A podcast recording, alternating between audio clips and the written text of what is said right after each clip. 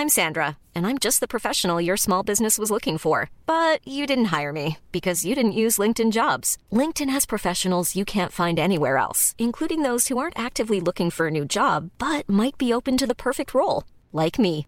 In a given month, over 70% of LinkedIn users don't visit other leading job sites. So if you're not looking on LinkedIn, you'll miss out on great candidates like Sandra. Start hiring professionals like a professional. Post your free job on linkedin.com/people today. Since 2013, Bombas has donated over 100 million socks, underwear, and t-shirts to those facing homelessness. If we counted those on air, this ad would last over 1,157 days. But if we counted the time it takes to make a donation possible, it would take just a few clicks. Because every time you make a purchase, Bombas donates an item to someone who needs it. Go to bombas.com slash ACAST and use code ACAST for 20% off your first purchase. That's bombas.com slash ACAST, code ACAST. Driblevekk, driblevekk, driblevekk.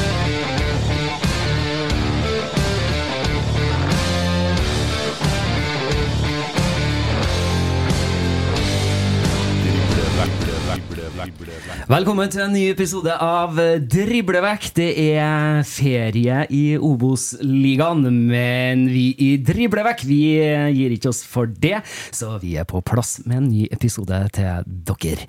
Mitt navn er Erik Arnøy, og i studio sammen med meg, som alltid, vår fotballekspert Dag Alexander Gamst. Hallo, Dag. God kveld, god kveld. Takk for det. Yes, Hvordan er det med ferie? Du er jo akkurat ferdig med ferien. Du, jeg begynte på jobben i dag, og eh, det var tungt nok, det. Men eh, man har aldri ferie, ferie fra fotball, heldigvis. Og selv om Obos-ligaen har ferie, så er det mye som skjer. Eh, Jerv har mista treneren sin. Arne Sandstø, har reist til, til Danmark og blir medtrener i, i danske Midtjylland der. I tillegg da, så har Fredrikstad forsterka Sondre Sørløk, henta fra Kisa. Og til eh, Plankebyen. De har til, i tillegg kjøpt seg nye ny stopper. Og så har Obos-ligas toppskårer Christian Lien signert for nederlandske Grøningen eh, i dag til et, eh, et rekordsalg for, for Mjøndalen sin del. Så det det er mye som skjer. Og eh, Obos-ligaen sparkes i gang igjen den eh, 5. august. Og jeg tror det er mye som kommer til å skje. Vi skal inn i et overgangsvindu etter hvert her òg. Og så er det sånn at uh, du sier det er mye som skjer. Den 7. juli så var det noen som uh, tvitra noen ting. Og da het det som følger Takk for meg. Det er med tungt hjerte jeg gir meg midt i sesongen.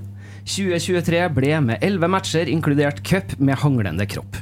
En vis herremann fortalte meg en gang at man bør gi seg mens helsen er i behold. Nå tror jeg kroppen gir beskjed om at toppfotballen bør legges på hylla. Det har vært 21 år med høye topper og dyp daler, i en tøff bransje der følelsene overstyrer mye fornuft. Og da, mine damer og herrer, er det på tide at vi skal introdusere dagens gjest her i eh, Driblevekk. Og eh, det er ingen ringere enn eh, Amin Askar. det. Hjertelig velkommen til oss, eh, Amin. Tusen takk for det. Yes! Det var en breaking news, vil jeg si, når, når den tweeten der kom eh, 7. juli, og du har bestemt deg for at uh, fotballskolen skal legges på hylla. Hvordan føles Ja. det? Nei, akkurat nå føles det litt merkelig med en eh, frihelg. Nå har jeg vært og sett noen kamper. Jeg har vært og så på match i Sarpsborg og var på Intility og så en match der. Så nei, det er litt spesielt som det bare har vært en kort tid siden. Så har man plutselig helgene frie og ikke sitter og bælmer bælmer i seg masse vann og ligger over på et hotellrom. Ja, ikke sant? Nei, Jeg vet ikke helt da, men ja, hvor, vi, hvor vi skal starte. Først og fremst så takker jeg for at du, du stiller opp. Jeg gleder meg utrolig mye til denne episoden og, og ha en time med deg her. Men eh, det starta i Moss for din del, eh, og du avslutter også på, på Meløs. Eh, 451 kamper på de to øverste nivåene i, i Norge. Det, det er respektabelt, og, og gratulerer med det. Eh, kan du si litt om eh, hva Moss først og fremst har betydd for deg i denne lange og flotte fotballkarrieren? Eh, Det er først og fremst eh, barndomsminner. Jeg er jo fra nordre bydel i Moss.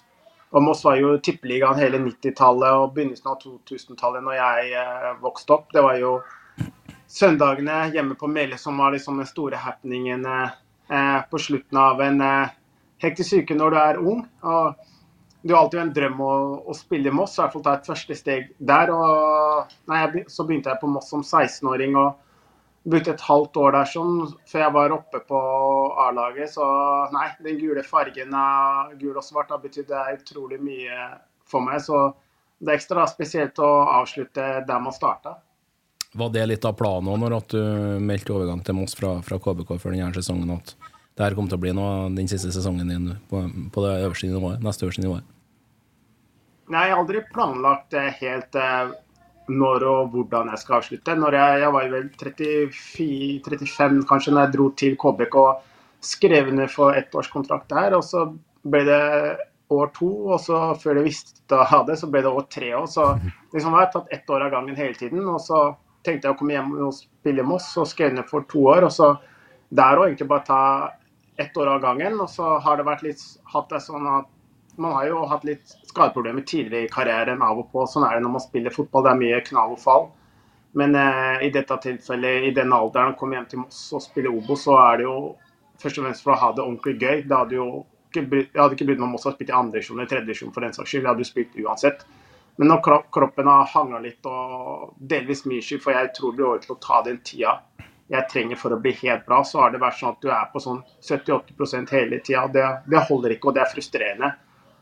Og når jeg tenkte jeg tenkte jeg tar en samling til sommeren og se hvordan kroppen føles ut da. Når vi ligger på en fin syvendeplass og kroppen er så der, så gidder ikke jeg å drive og fly inn på gymmen og drive og vente på å bli helt fri. Så da gikk jeg inn på kontoret og sa det holder nå, jeg sender stafettpinnen videre, og så skal jeg følge med fra tribunen resten av sesongen.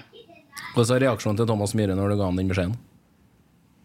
Ah, jeg var egentlig bare mest Eh, opptatt av å klare å få prate ordentlig. Det var eh, fullt trenerteam der, og jeg flakka vel litt med blikket. Det var ikke lett å gå inn der og fortelle nyheten. Det er tydeligvis noe jeg ikke har gjort før, og så er det veldig vemodig.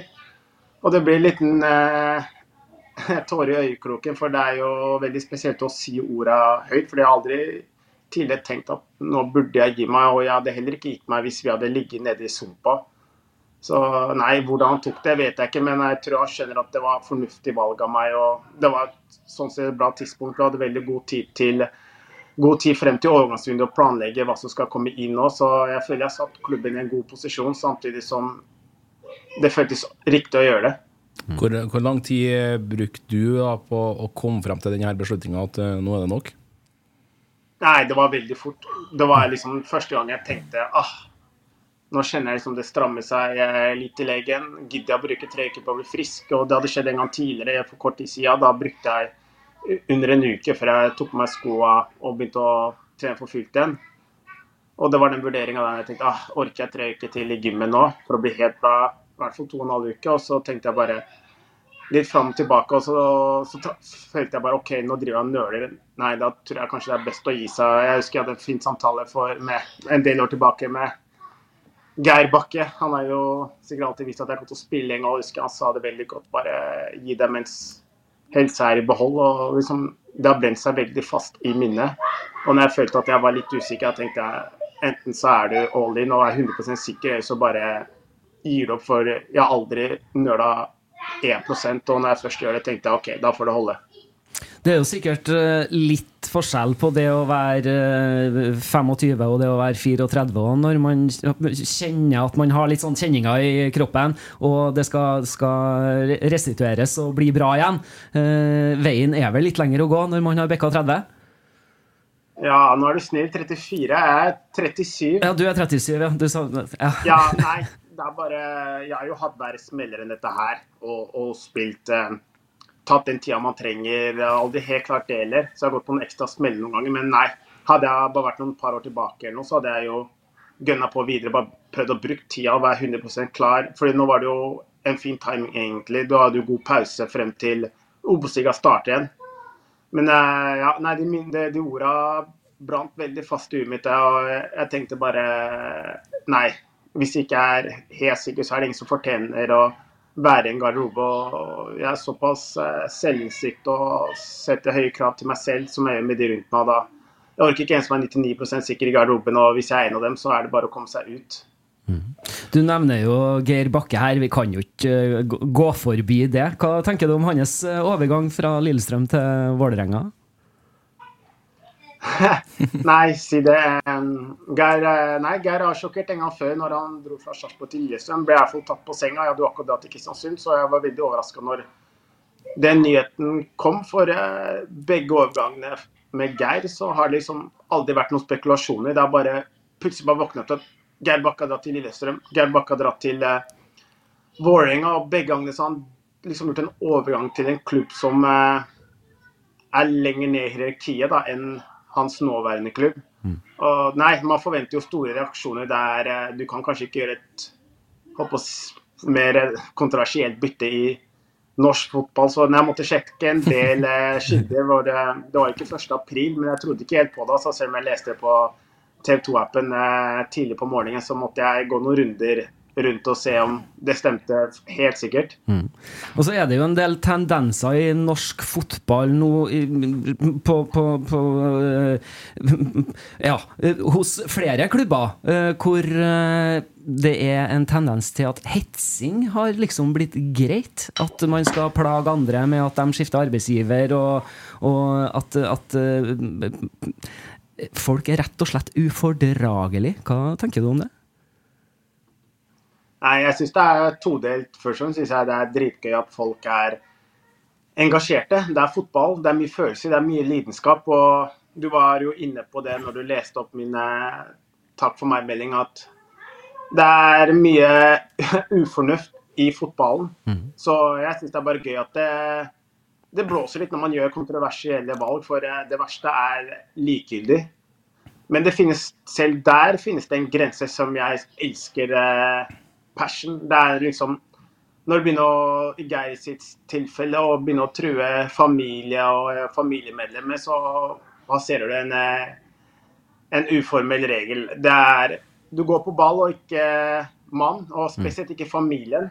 Og det er liksom som Ja, det kan være om det er rasisme eller annen type diskriminering. Det er en grense det går, men først og fremst syns jeg elsker at det er kok. Sant. Det er jo det. Det er jo som du sier, at, at eh, hvis følelsene forsvinner, da, da er fotballen syk. Ja, det syns jeg. Man spiller først og fremst for man syns det er dritgøy. Og, og det hadde ikke vært gøy hvis publikum ikke kunne brydd seg, si, brydd seg så mye som de gjør nå. Og I Geir sitt tilfelle så er det jo bare pro på at han har gjort en fantastisk jobb. Hadde han gjort en elendig jobb, så hadde ingen brydd seg. Mm. Og så er det selvfølgelig enkelte er jo forplikta til å overdrive hatet kanskje litt. fordi man eh, Det er sånn det skal være. Bytter man rivaliserende klubb, så skal det være hat. Så tror jeg folk er, føler seg veldig forplikta til å tøye strikken, i hvert fall så langt som mulig. Mm. Jeg ser jo litt av min Etter at du la la opp nå, så er det jo et par trenere du, du hyller litt ekstra takke for hjelpa i, i forbindelse med din karriere. En av dem er jo Geir Bakke. Eh, hva tenker du nå om at han tar over et uh, Vålerenga som ligger med, med brukket Tror du Geir Bakke klarer å, å, å reise Vålerenga igjen og, og, få dem til en topp fire-klubb i, i, Norge igjen? Ja, Geir er jo Det vet han jo selv. Jeg kaller ham bare pappa Geir. Det er treneren jeg har hatt mest i min karriere. Jeg har hatt den i flere klubber, og han har også prøvd å hente meg to andre ganger som uh, ja, det ikke har lyktes helt med overgangen. Og så er Geir en eh, klassisk eh, byggmester. Han er fantastisk leder. Han er god med mennesker, først og fremst. Det er derfor han eh, får til det han får til rundt omkring. Han er flink til å lese stemninga i garderoben, komme seg på innsida av huet ditt. Flink til å bygge lag, få de rette typene. Det er, det er lett å se hvem som er gode spillere, men jeg syns han har vært veldig flink i de klubbene og de åra jeg har vært med han å få inn de rette typene i garderobene. Og det er undervurdert. Det er vanskelig å finne gode mennesker eller gode spillere til å drive et miljø i garderoben. For da trenger du ikke å være så mye hovedtrener når du har en indre justis. Og jeg tror dette er perfekte utfordringa for han. Komme til en klubb med, som har hånda litt nede i de er ordentlig nede med hånda nå og ikke fått det til siden Jeg har ikke møtt et bra Vålerenga-lag siden 2010, hvis jeg tenker meg om med Martin Andresen. Så mm. hvis det er en mann som skal få det til, så er det Geir Bakke. Og jeg, jeg tror jeg og de fleste som har hatt han, er veldig tro på at han klarer å få det til. Ja, det blir veldig spennende. Eh, vi har jo fått inn en god del lyttespørsmål, og vi holder oss litt eh, til, til, Moss og Melhus. Eh, Nordlink86 han er Moss-supporter, og da spør han hva tenker Amin om support, supporternes betydning for livet rundt en fotballklubb? Mulig litt ledende spørsmål, men vennlig hilsen styremedlem i, i Kråkevingen, og, og så sier han også du får ikke forlate oss helt. Sønnen din storkoser seg gløgg med oss på kamp. Og hvordan var det å komme igjen og få turbobrølet tilbake igjen? Nei, først og fremst så betyr fansen alt når du spiller eh, fotball. De er sjela i klubben. Det er de som lager rammene rundt kampen. Det er de du vil hele tida overbevise og ha på din side og hjelper deg å være tolvtemann. Så nei, uten fotball, eh, nei, fotball uten fans er absolutt eh, ingenting. Å komme hjem og spille for Moss var, eh, nei, det var fantastisk eh, følelse å få på seg svarte og gule drakter igjen. Det var mange år siden. Og jeg har fulgt dem hele veien, i hvert fall så godt jeg kunne fra sidelinja. Det har vært vanskelige perioder. I hvert fall frem til eh, Thomas kom inn.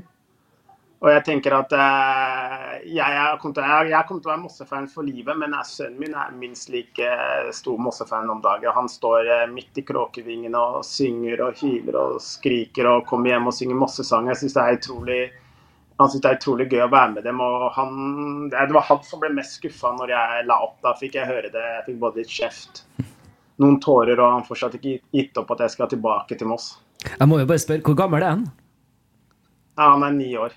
Kult. Begynner å nærme seg styremedlemskap i krogvingen da. Ja, det er herlig. Vi fortsetter litt på Moss-supporter eh, Syverud. Eh, Det har sikkert skjedd det på Twitter, da, men eh, vi må snakke om returen til Melhus i 2010. Se bildet under. Da var du i, Fredrikstad. Hvordan har det vært å komme tilbake til Melhus i 23? Rett før han dro, var det fakkeltog for ny stadion. Det har skjedd null utvikling på fasilitetene på Melhus. Heller det motsatte. Har du noen kommentar til det, eller?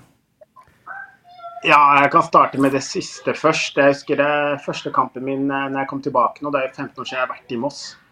Og spille hjemmekamp mot Sogndal. Jeg husker jeg, jeg satte meg på sida, akkurat kom tilbake fra skade, bare titta litt utover stadion. og Det var som å gå, gå, gå en tidsmaskin. Og så, da var jeg tilbake til eh, da jeg var 16 år og så Jeg så Mossekampen fra, som, som eh, ballgutt.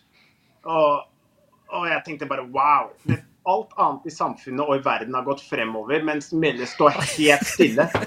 Og da tenkte jeg bare Det, det var liksom bare sånn ut av jeg kan sammenlignes med oss, Hvis du ser Seinfeld på nytt nå, så ser du hjemmetelefoner og alt mulig rart da, som ikke du har sett på ja, 15-20 år. Og sånn var det på Melhus. Det er ingen, omtrent ingen forbedringer. Og alt, alt er clean lit. Det er, det er så nostalgi. og eh, for min del personlig så var det sinnssyk sjarm, men jeg kan se på meg for Jan Erik og Kråkevingen og hele gjengen at de skulle gjerne sett en utvikling. og Han er inne på noe der med fakkeltog og stadiondrømmer. Den viste oss masse, masse, masse fine bilder av nye fasiliteter. Jeg husker vi gnei oss i hendene og gleda oss sinnssykt til det. Men ja, nå 15 år seinere så har ingenting skjedd, dessverre. Nei, Syverud fyller jo på egentlig med det, det du sier litt her, eh, Amin, at eh, har tida stått stille siden eh, 20, eh, 2008? Det er selvsagt noe å gjøre med Moss eh, ferd nedover i, i systemene, men allikevel.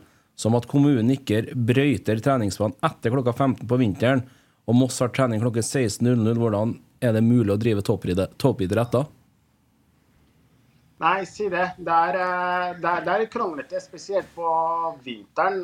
Vi hadde jo en trening da det var snø, og kommunen Jeg tror ikke de kommer og feirer eller jobber etter klokka tre. Og da blir det bare løpetrening i stedet. Og det er altså ikke bare med Thomas Myhre, men vi hadde en annen trener tidligere når jeg var og så på noen eh, økter, og det sleit med samme. Det er, kommunen spiller ikke helt på lag med klubben når de ikke kommer på jobb etter eh, klokka tre. Og så er det jo med vanning. Vi vanner jo tidlig på morgenen, men når vi kommer på trening, så er det jo knusktørt. Og, nei, de får det til i Kristiansund, som er eh, en by som er enda mindre. Da kommer brannvesenet og kommunen og bidrar. og Enten om det er måke eller vann i banen, så er det rart de ikke får det til i Moss.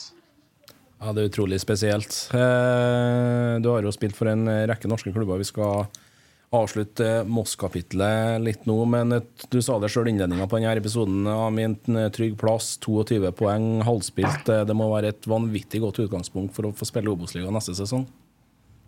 Ja, jeg syns eh, Først må jeg si at jeg ikke er overraska. Vi spilte noen preseason-kamper eh, mot KFM og Skeid og Mjøndalen osv. Og, og da tenkte jeg bare wow.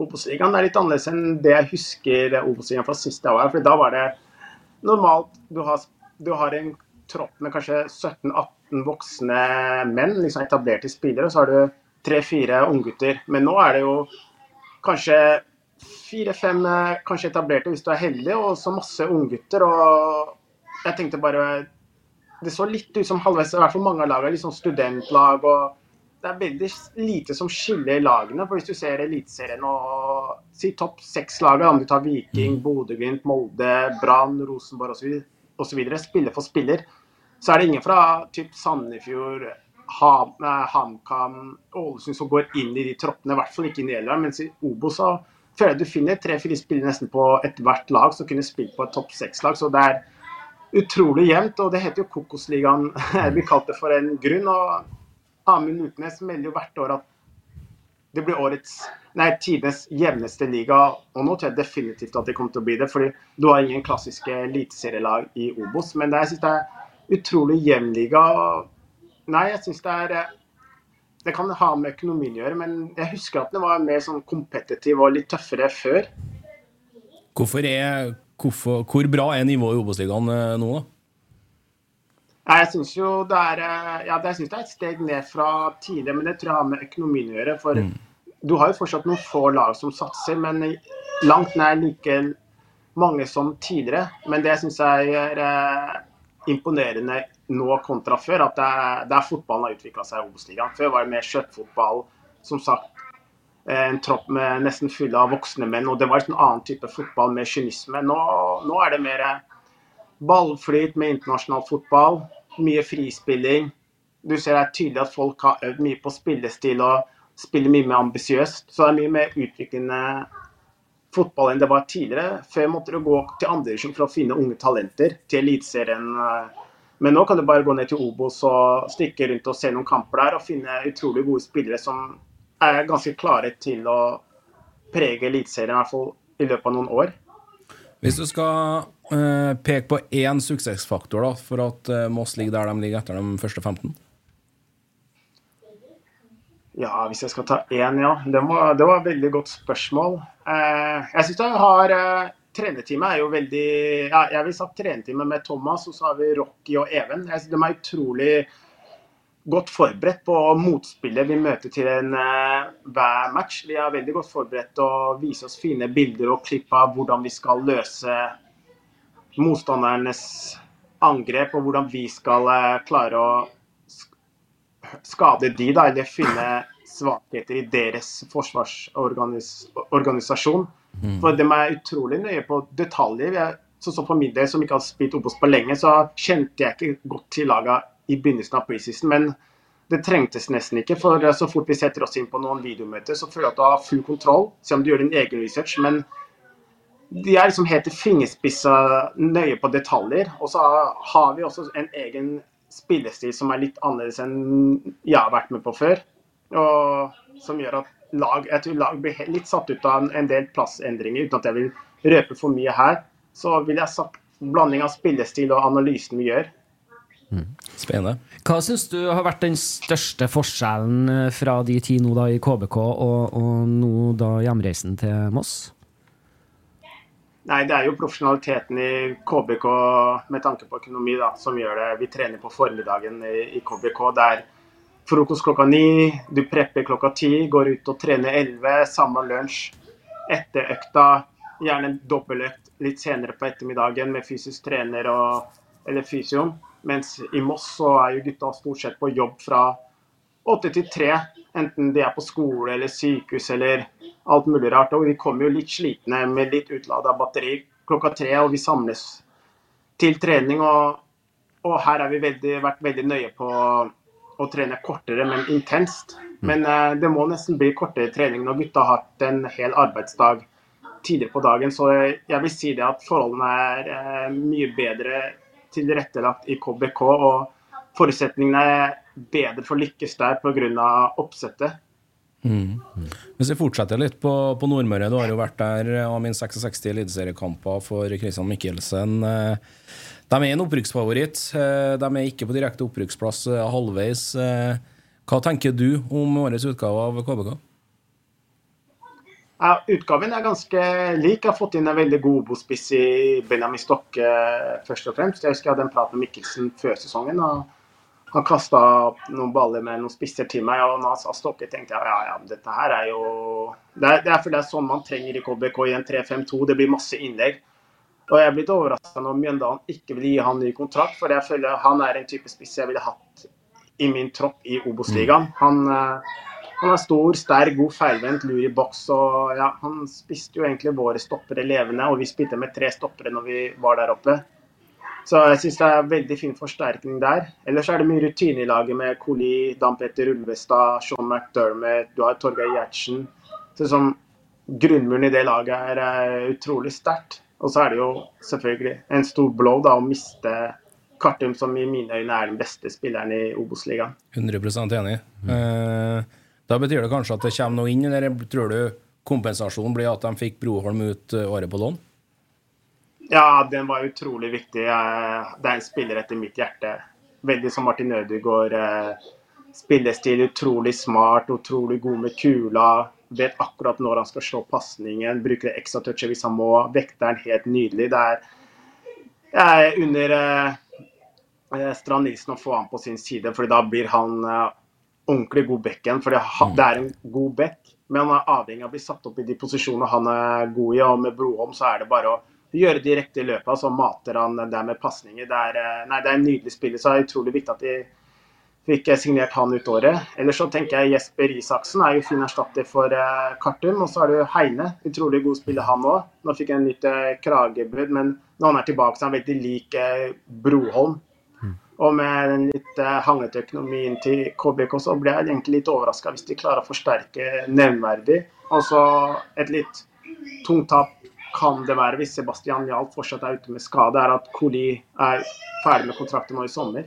Ja, det her er veldig spennende momenter, og eh, ja, det, det skal spilles 15 kamper, tror jeg. Tror du de rykker opp, da? Jeg tror personlig at Sogndal tar den ene opprykksplassen, selv om eh, ja, det er Kongsvinger Payson som er i førersetet nå. Men nå har jeg møtt Sogndal i cupen og i serien og sett i flere kamper og ser mot Sarpsborg 08 når de røk ut 4 så rundspilte de Sarpsborg til tider. Så jeg tror Sogndal tar en opprykksplass, og da blir det én opprykksplass igjen som blir det, da, det blir en rotterace mellom KBK, Kongsvinger og Fredrikstad. Så jeg vil egentlig si 50-50, for det blir tre lag som skal kjempe om den siste plassen. Og de må løse en borteformen, for det går jo ikke an å plukke så lite poeng som En de gjør på bortebane. En Ja. bortseier. Det, var, ja, det er jo ja, enda mindre enn jeg skulle gjette, men jeg var født og har fått en del stryk på bortekamper. Så nei, jeg vil si 50-50. Sogndal tar den ene, og så er det kamp eh, mellom KBK ja, de to jeg nevnte, Kongsvinger og Fredrikstad, med sisteplassen. Da vi skulle hatt en fanfare, Arnøy, for vår faste lytter Olai Årdal. Han har et spørsmål i dag òg, Yes! og det har Namin svart på allerede. Det har han. Eh, vi har en fast lytter som alltid spør oss det samme spørsmålet til hver eneste episode, og det er Rykke Sogndal opp? Og da har jo du gitt fasitsvar på det, du nå. Nei, Sogndal, ei, for et lag. Jeg, jeg føler meg bare skrudd sammen. og Tor André må tydeligvis ha noe bra sans for eh, måten å sette opp et lag. Jeg synes det, er, det er utrolig irriterende å møte dem. De er 4-3-3, de er flinke til å triple på begge sidene. Gode kanter med Jonsson og Ørjasæter. Jeg synes Kas ja, Kasper Skånes kjenner jeg fra før, så det er jo en motor, en sånn type Øyvind Delarsen spiller. Jeg er veldig glad i høyrebekken. HV syns jeg er ordentlig god. Sjølstad har jeg spilt med før. Sånn som Wolfe. Jeg tenker Brann burde egentlig bare hente Sjølstad. Tvert.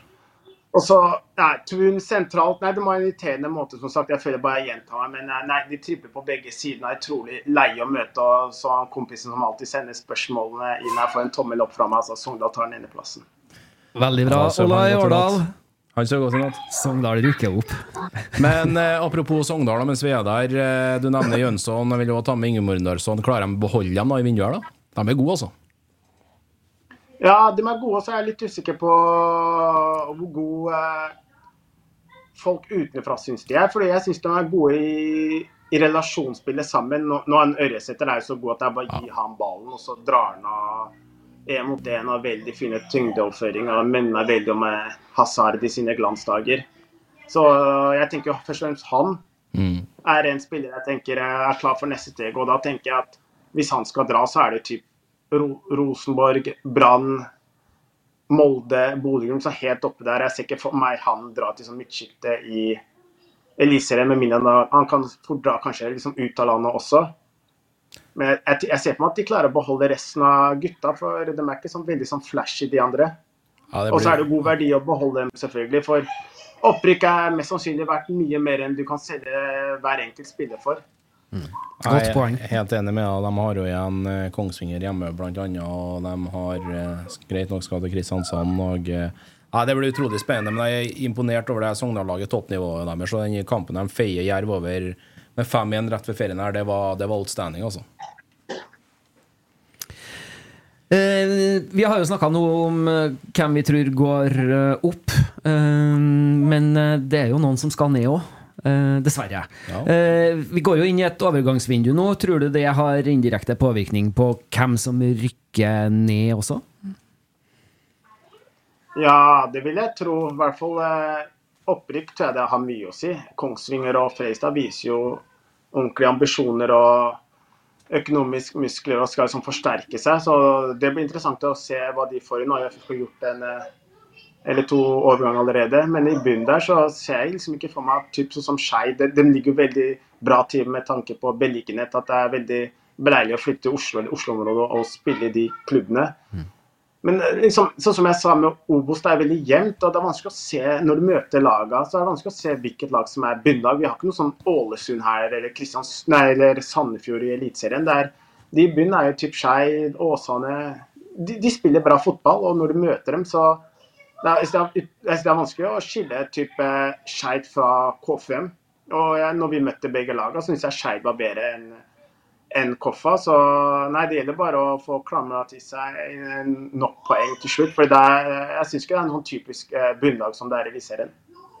Ja, det blir, det blir spennende, men jeg vil igjen tilbake andre enden av tabellen. Og, Fredrikstad, som ikke har tapt en fotballkamp eh, hit i Obos-ligaen eh, i år. Eh, Amin, eh, skal det lykkes nå? Ja, hvis det noen gang skal lykkes for Fredrikstad, noen av de andre i toppen her, så er det dette året her, når det ikke er noen ordentlig gode topplag som har kommet ned fra Eliteserien, som skal rett opp igjen. Og så er det jo veldig spesielt at 13, når de har etter 13 serierunder har skåret 13 mål og lå på andreplass. Det er helt utrolig. Jeg vet ikke om det har skjedd noen gang i fotballverdenen, men ja, alt er mulig i Obos. Og så har de klart å få skåret noen mål etter hvert. og De ser utrolig solide ut. Veldig bra keeper. Ja. Så jeg er veldig spent på spillerne de får inn. Jeg ser for meg at de kanskje skulle hatt en nier på topp med litt sånn eliteserieklasse. Og det mobiliseres veldig der. Og det er jo lettere å gjøre det når man ligger der man ligger på tabellen og gambler litt og tar en risiko. For den nye TV-avtalen til TV 2 bidrar veldig i kassa om å komme seg opp. Så jeg ser for meg at de gønner på. Det, blir du overraska om Fredrikstad er ferdighandla? Nå? Ja, ja. Utrolig overraskende. Nei, nei, nei, nei, det er ikke sjans at de er ferdige ennå. Du nevner TV 2, ny rettighetshaver. Twitterkontoen Twitter-kontoen Alt om Obos-ligaen er litt inne på det her. TV 2s dekning av Obos-ligaen har fått kritikk. Også nå halvspilt sesong. Hvordan kan det bli bedre? Og hvorfor får det så lite TV-tid? Bør ikke rettighetshaver prioritere flere ligaer, ikke kun si sin mening om Eliteserien? Ja, det er jo Jeg, forsto det sånn at det er fansen som egentlig har fjerna mandagskamper. At ikke de har lyst til å ha kamper i, i hverdagen. For eh, nå har jeg fulgt med Obos-ligaen eh, på mandagene når de hadde det ja, i fjor og noen år tidligere. og synes Det er utrolig gøy at de har en egen kampdag.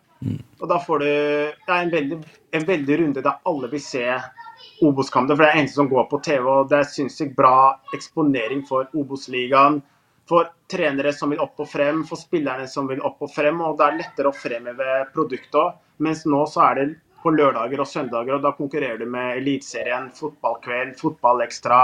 Du konkurrerer med Premier League, La Liga, alt mulig rart. Så nei, fansen må egentlig ta et standpunkt. Skal vi ha mest mulig eh, TV-seere og mest mulig rundt produktet, så må det nesten være på mandag, når de ikke konkurrerer med større ligaer. Ja, Det er veldig interessant å følge deg på, på det du sier der. For eh, det å, mandagskampene, det har, mandag og for så vidt fredagskamper har vært et, et evig diskusjonsmoment de fem-seks siste åra. Jeg skjønner jo TV 2 og hvordan de løser det her, og hvorfor de har landa på denne beslutninga denne sesongen. Så får vi se om det blir noe annet igjen ne- neste sesong. Men veldig spennende du sier der, Amin. Helt enig.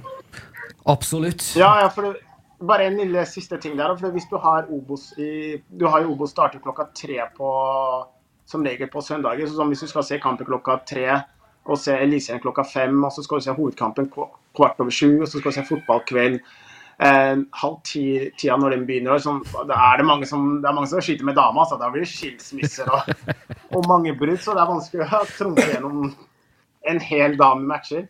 Ja, Det blir nok å gjøre for de lokale bankene rundt om i, i Norges land, det er ikke en tvil om. Sant. Og straks skal vi plukke tak i noe av det du nettopp sa her.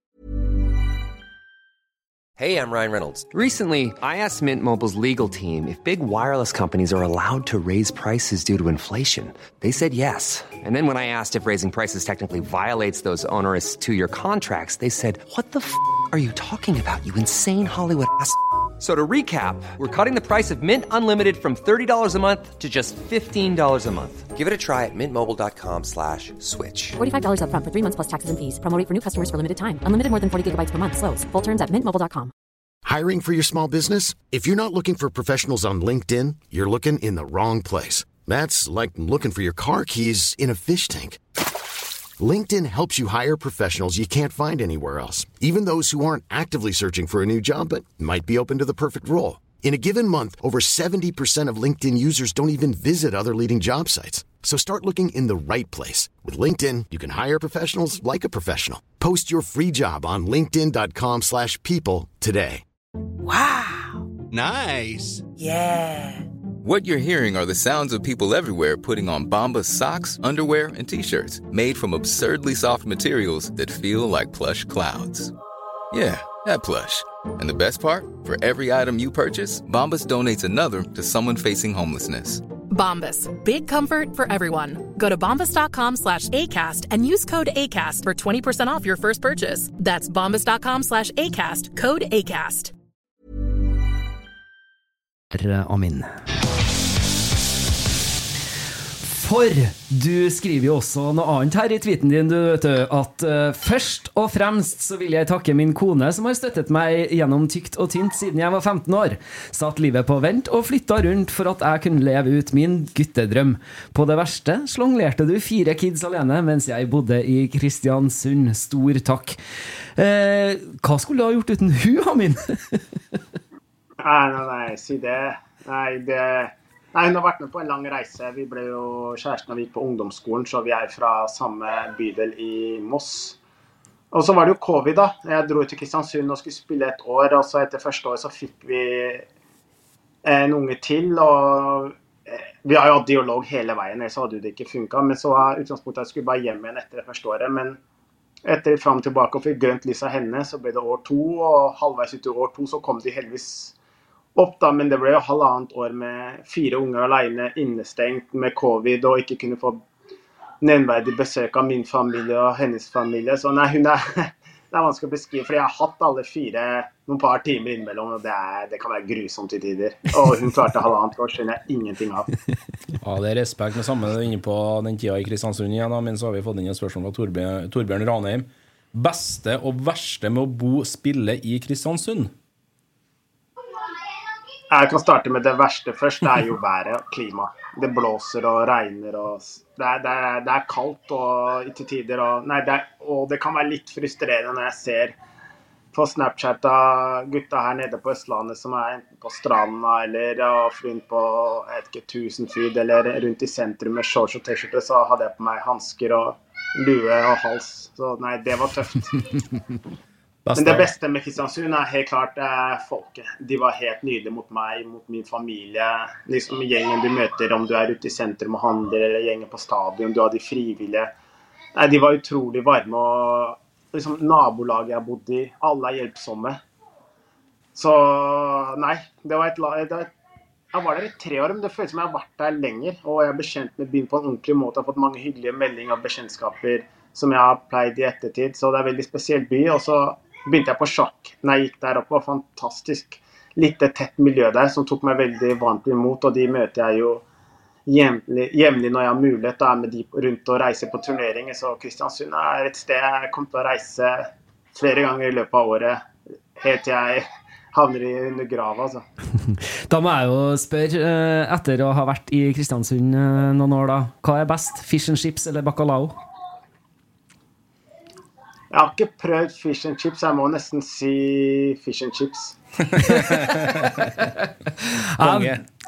Det, det, det, det, jeg må jo bare rekke opp hånda og si at hver gang jeg er i Kristiansund, så må jeg spise fish and chips.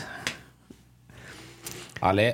Eh, litt eh, en lang fotballkarriere her, eh, ja, store deler, eller ikke store deler, men så å si hele, i Norge her, 2002-2003 og frem til, til i dag. Hvis du skal klare å plukke ut ett av de største høydepunktene, hva er det, Amin Askar?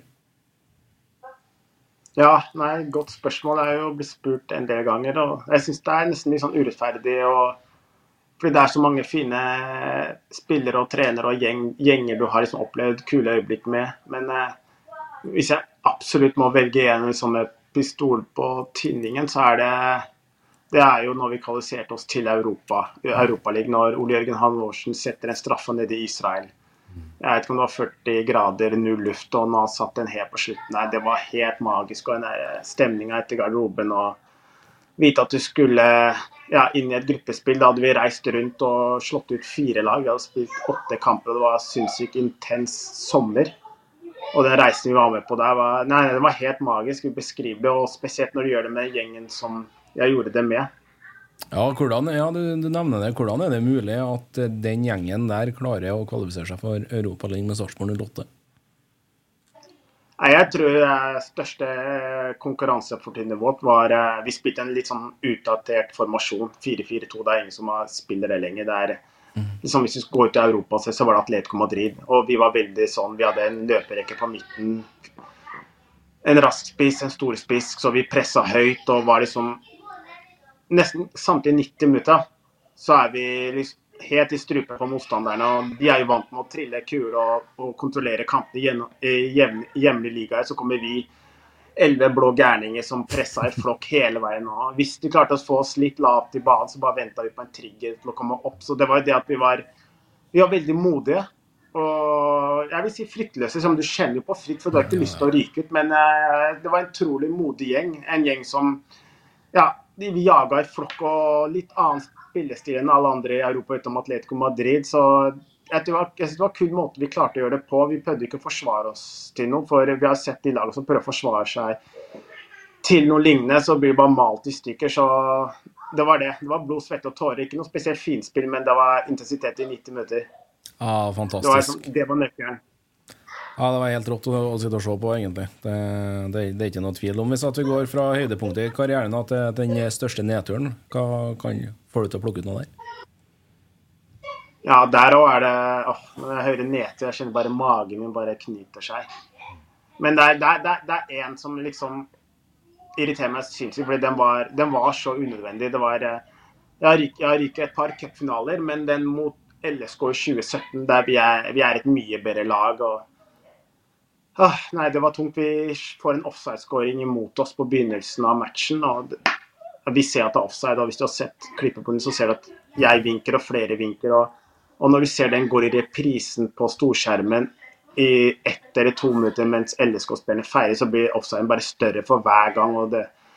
og så har vi Krepen Diatta, som er eh, ja, Han er jo han var jo superspiller, altfor god for Lise. Han var igjennom noen par ganger. To ganger ble han klippet.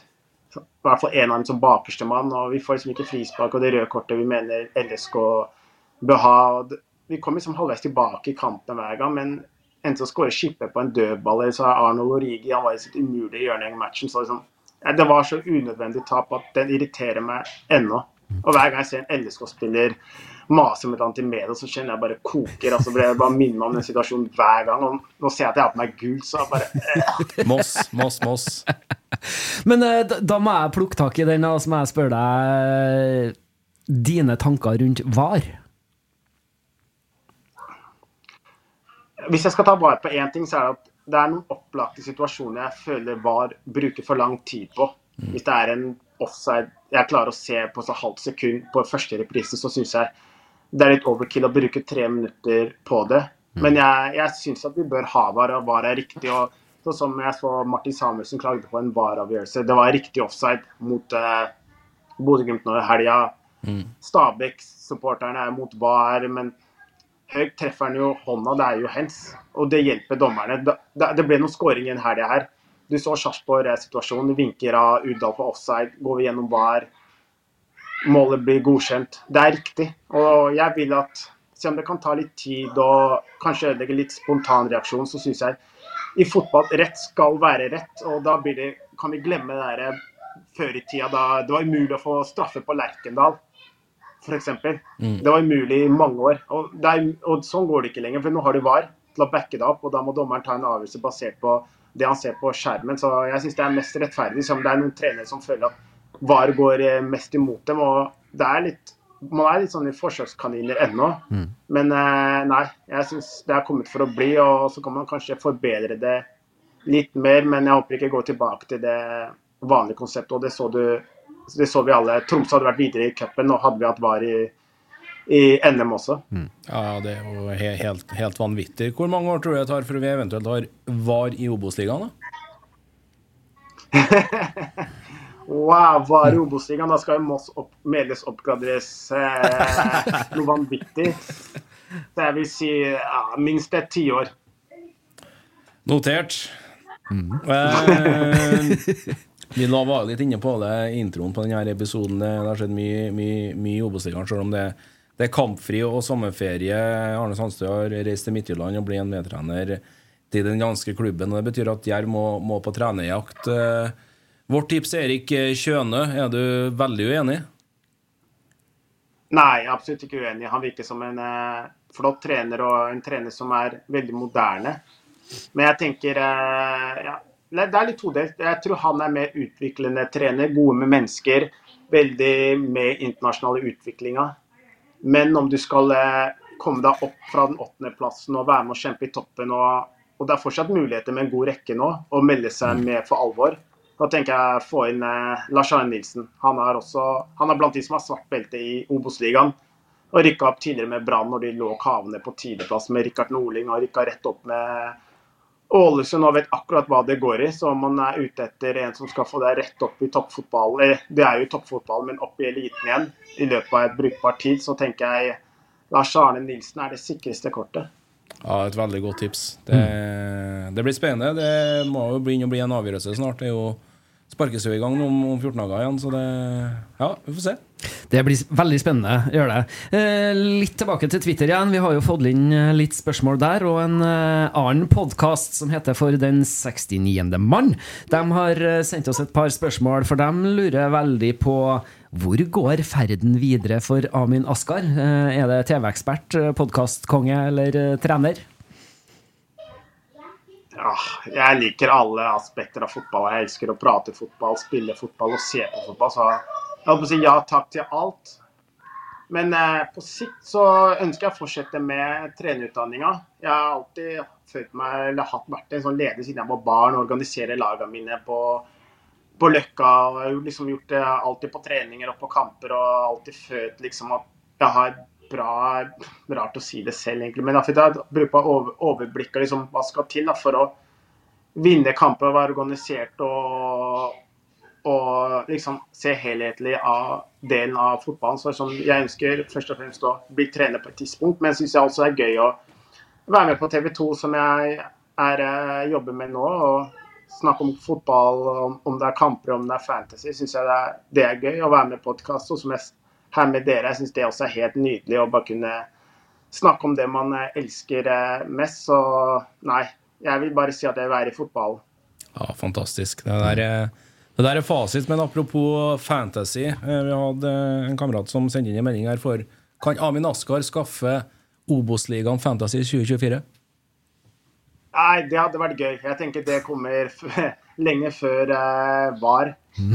Jeg synes det er eh, Nei, det har vært mulig, hadde vært mulig å få opp det konseptet. Så skulle jeg vært eh, den første til å sette opp et lag der de Obos-kampene er eh, veldig artig å se på. Bare få flytta de kampene til mandagen, så vi kan få en egen, eh, egen kampdag. Så hadde det vært helt, helt fantastisk. Ja, det har vært eh, kjempespennende, så vi får bare krysse fingrene at eh, vi, dere tar det produk produktet videre til neste år, Amin. Eh, Du var jo litt inn på det sjøl òg, men, men eh, hva skal du bruke tida på fremover nå, da? Eh, Blir det mye familie?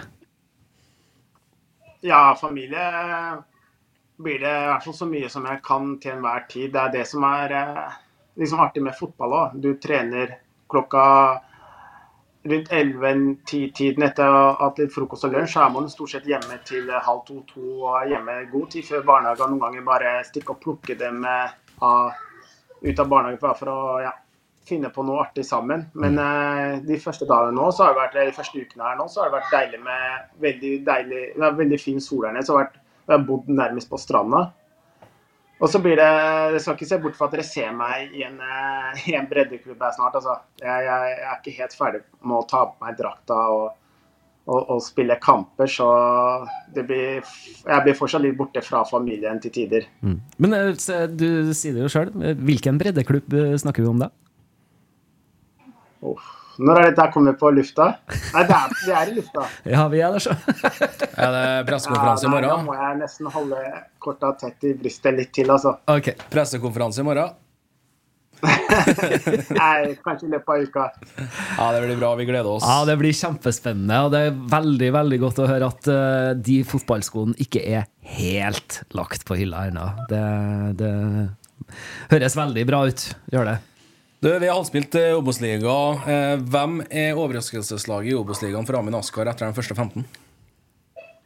Jeg kan jo bare si årets. Overraskelse hittil i Obos-ligaen. Det er årets overraskelse. Ja. Det frister å si eh, egentlig Jeg vil si for folk flest Kongsvinger. Men eh, jeg, jeg så dem i preseason. De var i Spania når vi var der. Jeg så de trene og spille. Og da hadde jeg en som årets eh, outsider til å være med i toppen. Så jeg vil egentlig si det, selv om ikke jeg personlig er så overraska, så syns jeg de er størst overraskende med tanke på forventningene rundt dem. De spiller utrolig artig fotball, og jeg trodde når eh, Hansen tok over der at det er litt Mjøndal-fighting av dødballer og andeball og lang kast, men det er tydelig at han har eh, tilpassa seg DNA-et til Kongsvinger, og Nystuen har fått han til å bli med i den båten. Nei, så nei, jeg syns de er nydelig å se på og har vært den største overraskelsen sånn totalt sett. Hvis man skal se på andre enden av skalaen av skuffelsene hittil Ja, jeg vil si Jerv, ja. Ja. Rykka ned fra Eliteserien. Alltid vært liksom morsomt lag å se på både i Eliteserien og i Obos, fordi de har alltid hatt noen morsomme artister og liksom publikumsspillere. Men i år har det bare sett ut som eh, det er, det er, at de er litt sånn blodfattige.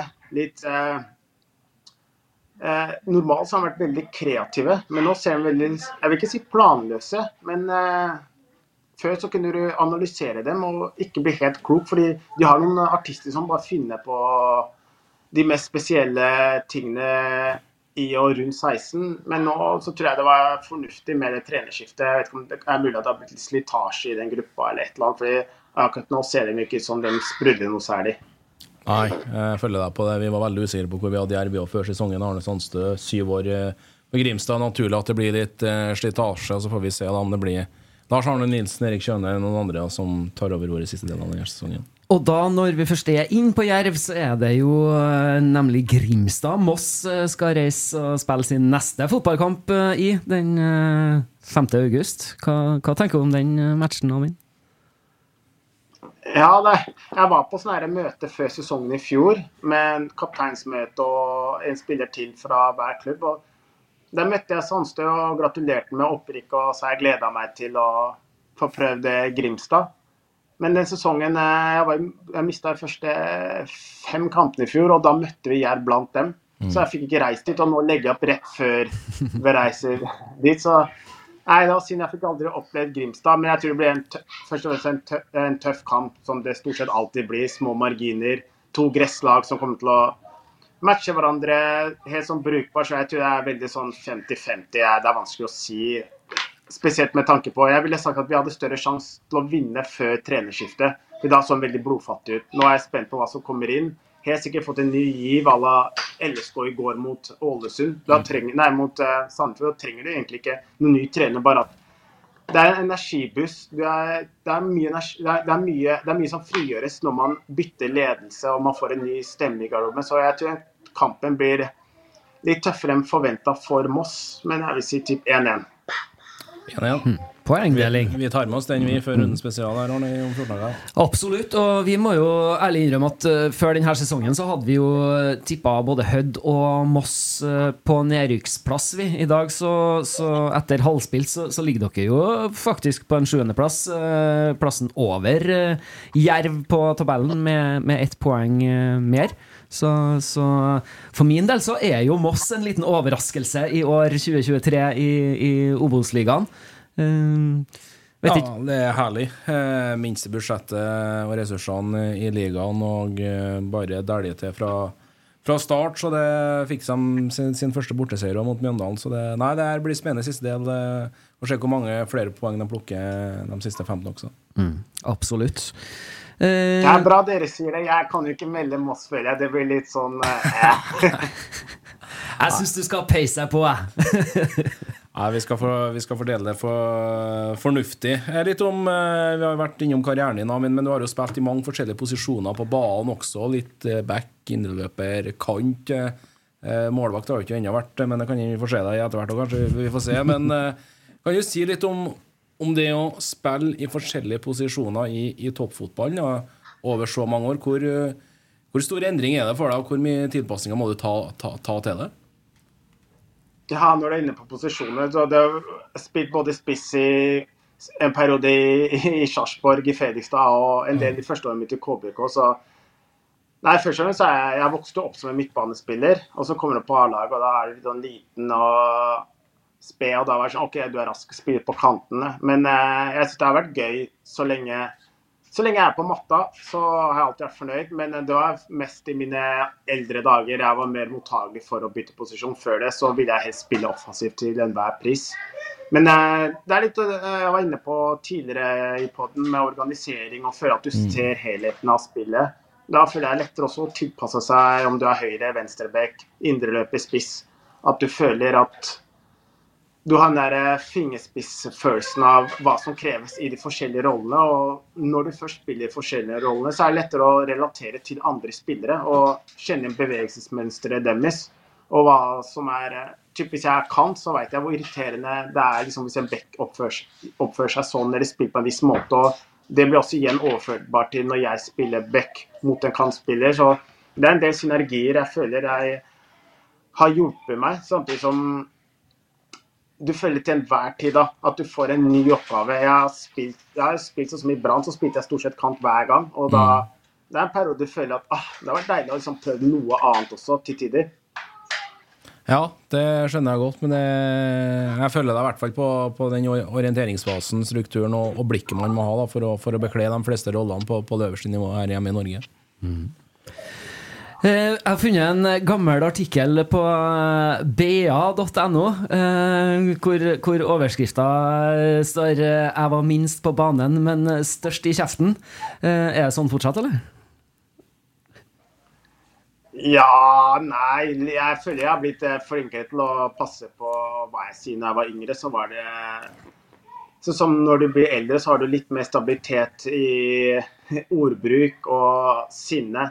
Men når jeg var yngre, så var det Jeg var liksom på høygir hele tida. Absolutt hele tida. Alle må være på sitt beste. Jeg liksom Jeg fører, kjører full pupp 100 hver eneste trening og hver eneste kamp liksom til hver tid. Og krevde at alle andre gjorde det. Og det gjorde jeg fra jeg var fem-seks år. Så det er mange jeg skulle gjerne ha nesten nærmest beklaga til. For jeg oppførte meg som om det var Champions League-finale hver eneste gang på Løkka, på skolen, i barndommen. Og liksom tenkt at alle må være på lik bølgelengde som meg. Jeg hadde null forståelse for folk som ga 1% mindre enn det jeg gjorde. Så derfor var det litt den der med store sjef nå. Det gjaldt liksom spesielt de eldre spillerne òg. Jeg, jeg kunne kanskje vist litt mer respekt til dem iblant. For jeg tenkte også da når jeg fikk sånn tilsnakk av eldre spillere da jeg var sånn 16-17, så var det liksom Hold kjeft, jeg er bedre enn deg, tenkte jeg. Og noen ganger så sa jeg det også når jeg følte at det ble for mye. Så innimellom så fikk jeg litt problemer med den kjeften. Men så har jeg vært heldig med at ferdighetene liksom har vært såpass at det på en måte blir godtatt av spillerne og trenerne. Men hvor viktig tror du det er å ha den egenskapen der, da, til å, å alltid ha en sånn indre drive til å få andre til å yte sitt beste, hvis du nå skal inn i en trenergjerning, og det å, å, å få andre til å, gjøre den jobben? Hvor, hvor viktig er det for deg å ha med det videre på veien?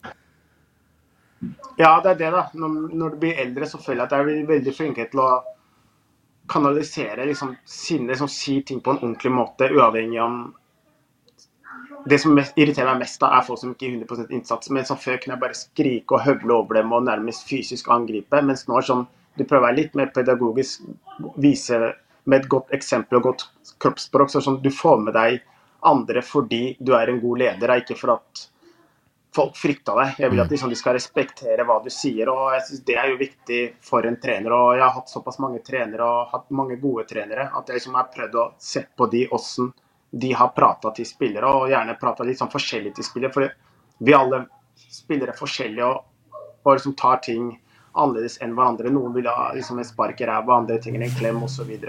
Og prøve å finne ut hvem som trenger hva til enhver tid, er en vanskelig øvelse.